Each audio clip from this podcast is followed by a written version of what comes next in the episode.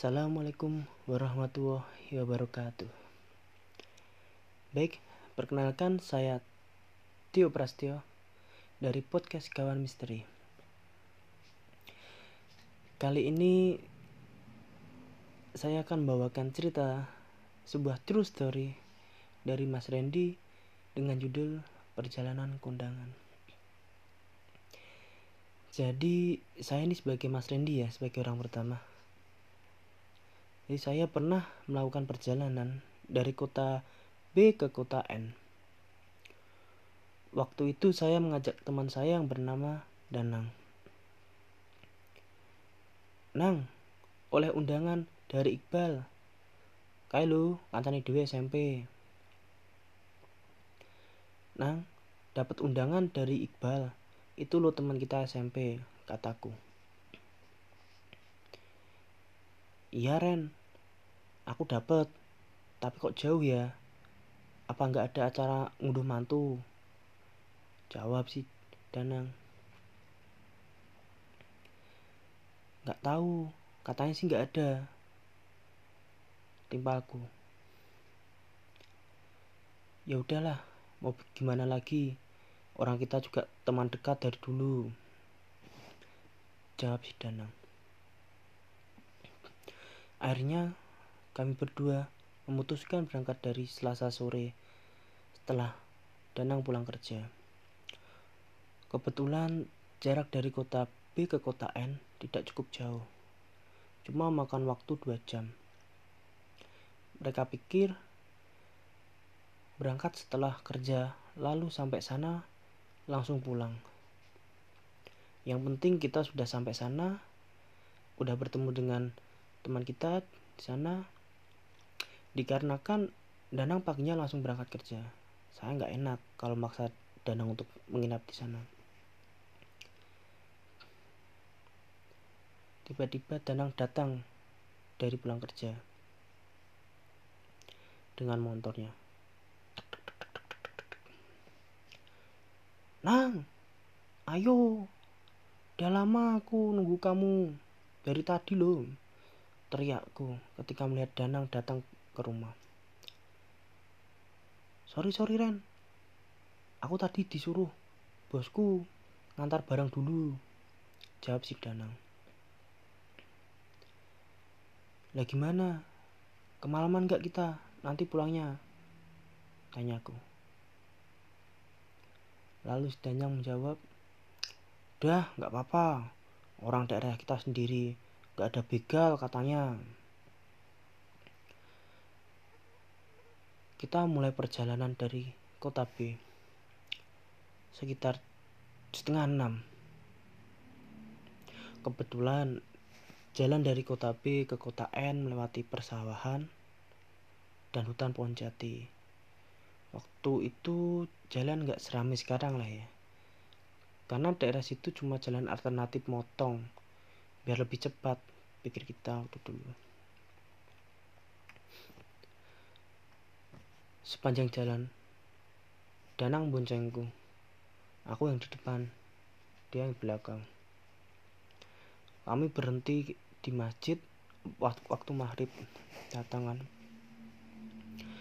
Setelah kita sholat, lanjutlah kita melakukan perjalanan kembali menuju kota N. Nah, waktu kita perjalanan, jalan udah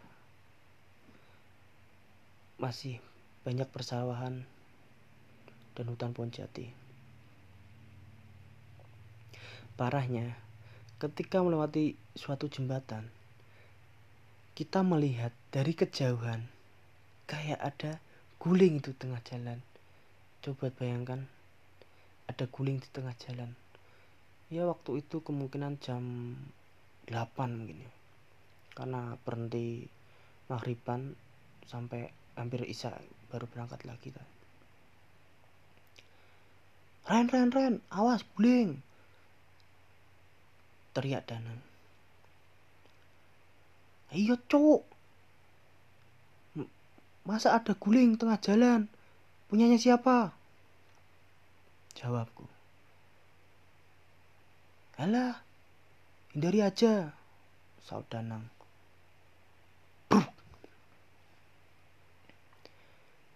tiba-tiba guling tersebut sudah ada depan motor kami. Dan kita menabrak guling tersebut. Anehnya, guling yang dilihat tadi, yang seharusnya kan empuk ya guling, mudah untuk dilindas, menjadi keras, hingga motor kita terjatuh. Berak. Cowok. Nang, nang, nang panggilku untuk memastikan Danang dia tidak apa-apa. Tapi Danang pun sudah terduduk. Dengan di depannya ada guling tadi. Sudah berdiri di hadapan Danang. Aku melihat Danang diam terpaku. Pikirku karena ketakutan atau karena ada yang salah dengan tubuh Danang ketika kita terjatuh tadi. Dengan menundukkan wajahku, mengkerutkan keningku untuk melihat apa tuh edit sosok depan itu. Aku pun terdiam. Karena aku melihat juga sosok guling tersebut yang berubah menjadi Mr. P. Kalian tahu pasti Mr. P. Aku terdiam sejenak melihat sosok tersebut di depan Dana. Sontak, Danang pun pinsap. Cok, Nang, jangan pingsan.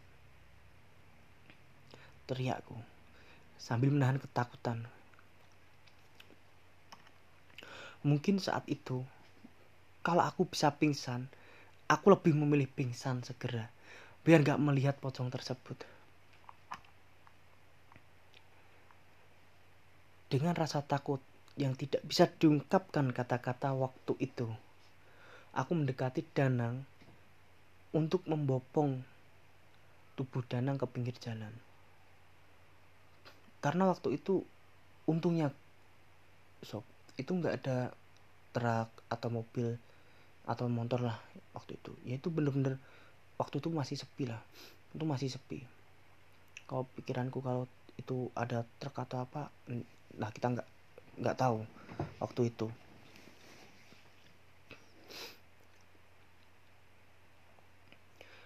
Aku mendekati Danang dengan rasa takut dengan sambil lirih bah Tolong, Mbah. Sabar. Tak gendong koncoku sik, Mbah. Sabar. Mbah. Tolong, Mbah. Sabar. Tak gendong temanku dulu.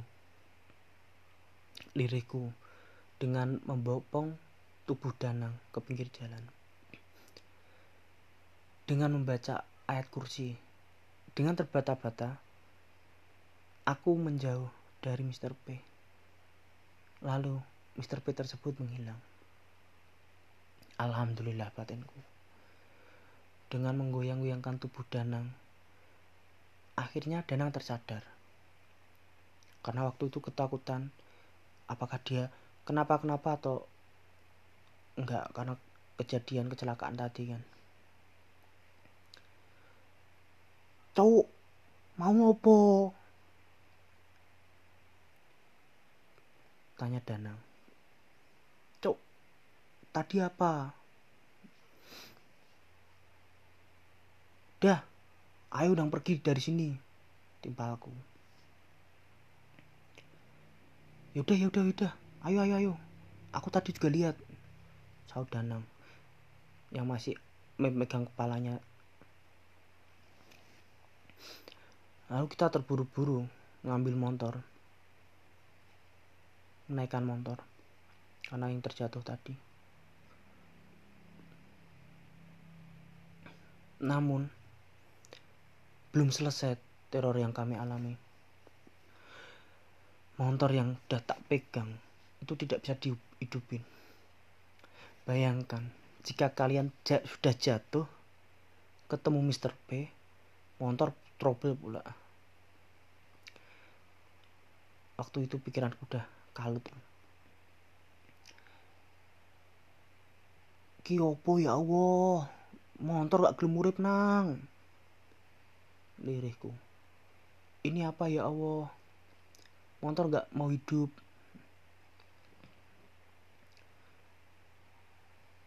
Moco dungo wae, moco dungo wae, jawab Danang dengan ketakutan. Baca doa aja, baca doa aja.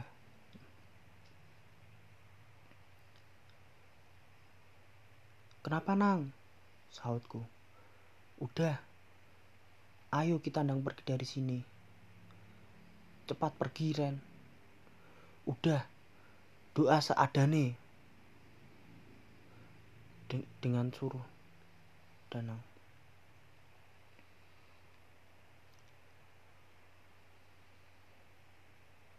Ini di belakang ada mbak-mbak yang megang Ren. Kaget waktu itu aku. Karena Danang di belakang melihat sesosok kuntilanak memegang begel motor ya kalau di tempat kalian tuh apa yang besi di belakang jok itu loh tulis di komentar ya kalau kalian apa namanya daerah kalian. Apakah sama bagel atau beda? Saya kurang tahu. Dengan membaca doa sebisaku Alhamdulillah motor bisa nyala. Lalu nggak pikir panjang aku gas pokoknya. Untung, tadi kami jatuh tidak begitu parah. Ya, namanya motor tua, paling seberapa kan kencangnya. Danang perjalanan selalu menepuk pundakku. Ren, Ren, belakang, Ren, belakang. Mbak E masih ada. bilang Danang ke aku. Dah, dua aja nang. Aku sendiri juga takut. Aku tak fokus dulu nyupir. Pokoknya kalau ada apa-apa jangan cerita dulu. Tolong ya, tolong. Jawabku. Yo yo, Ren. Yo. Saud Danang mengerti ucapanku. Mungkin Danang mengerti, aku sendiri juga ketakutan waktu itu. Pokoknya, ku tarik gas sebisaku. Dengan motor tua bapakku itu melewati hutan jati. Yang jalannya naik turun belok-belok. Waktu dulu ya masih agak jelek, masih aspal tapi ada yang bolong itu. Jadi makanya nggak bisa kenceng lah apalagi naik jalan naik motor tua aku sendiri emang bener-bener takut waktu itu. Sekitar setengah jam kami sudah keluar dari hutan jati. Kami sudah turun. Kami melihat warung kopi yang masih buka. Ya mungkin waktu dulu kan jam setengah sembilan apa jam 9 ya sekitar jam 9an lah dulu. Aku sendiri masih takut masih parno apakah itu benar-benar warung manusia atau jangan-jangan karena kan banyak itu cerita-cerita tentang warung pinggir jalan tiba-tiba kita udah pergi lalu udah hilang lagi warungnya banyak kan udah kulihat dari kejauhan ada satu truk yang parkir di seberang warung tersebut. Alhamdulillah, pasti warung itu warung manusia karena ada truk kan di seberangnya. Berhentilah aku depan warung tersebut. Kulihat Danang masih ketakutan karena tanyangannya tuh masih gemeteran. Danang, kita nemu warung kopi bilangku. Iya Ren, aku masih ketakutan. istirahat dulu ya jawab Danang dengan masih masih dengan nada ketakutan Pak, pak, kopi kali, pitaku. Oh iya mas, sebentar ya, jawab si penjual kopi. Loh, loh, mas, kenapa kok kotor semua? Tanya supir truk yang sedang minum kopinya samping. Niku pak, mau kulo nabrak pocong, terus montore kulo cekli kuntilanak pak. Jawabku dengan cepat. Itu pak, tadi saya nabrak pocong, terus motor saya dipegang oleh kuntilanak. Walah walah mas mas, kok yo berani, berani men lewat situ. Apalagi kamu berdua, montoran lagi. Timpal si supir truk tadi. Nggih, Pak. Pikire kula enjing kula ajeng kerja. Paling tekan ikane kancane kula kan jam 9. Terus ngaju bali, Pak. Sahutku. Iya, Pak. Pikir saya besok pagi saya pul kerja. Paling sampai nikahan temanku jam 9. Langsung pulang sautku.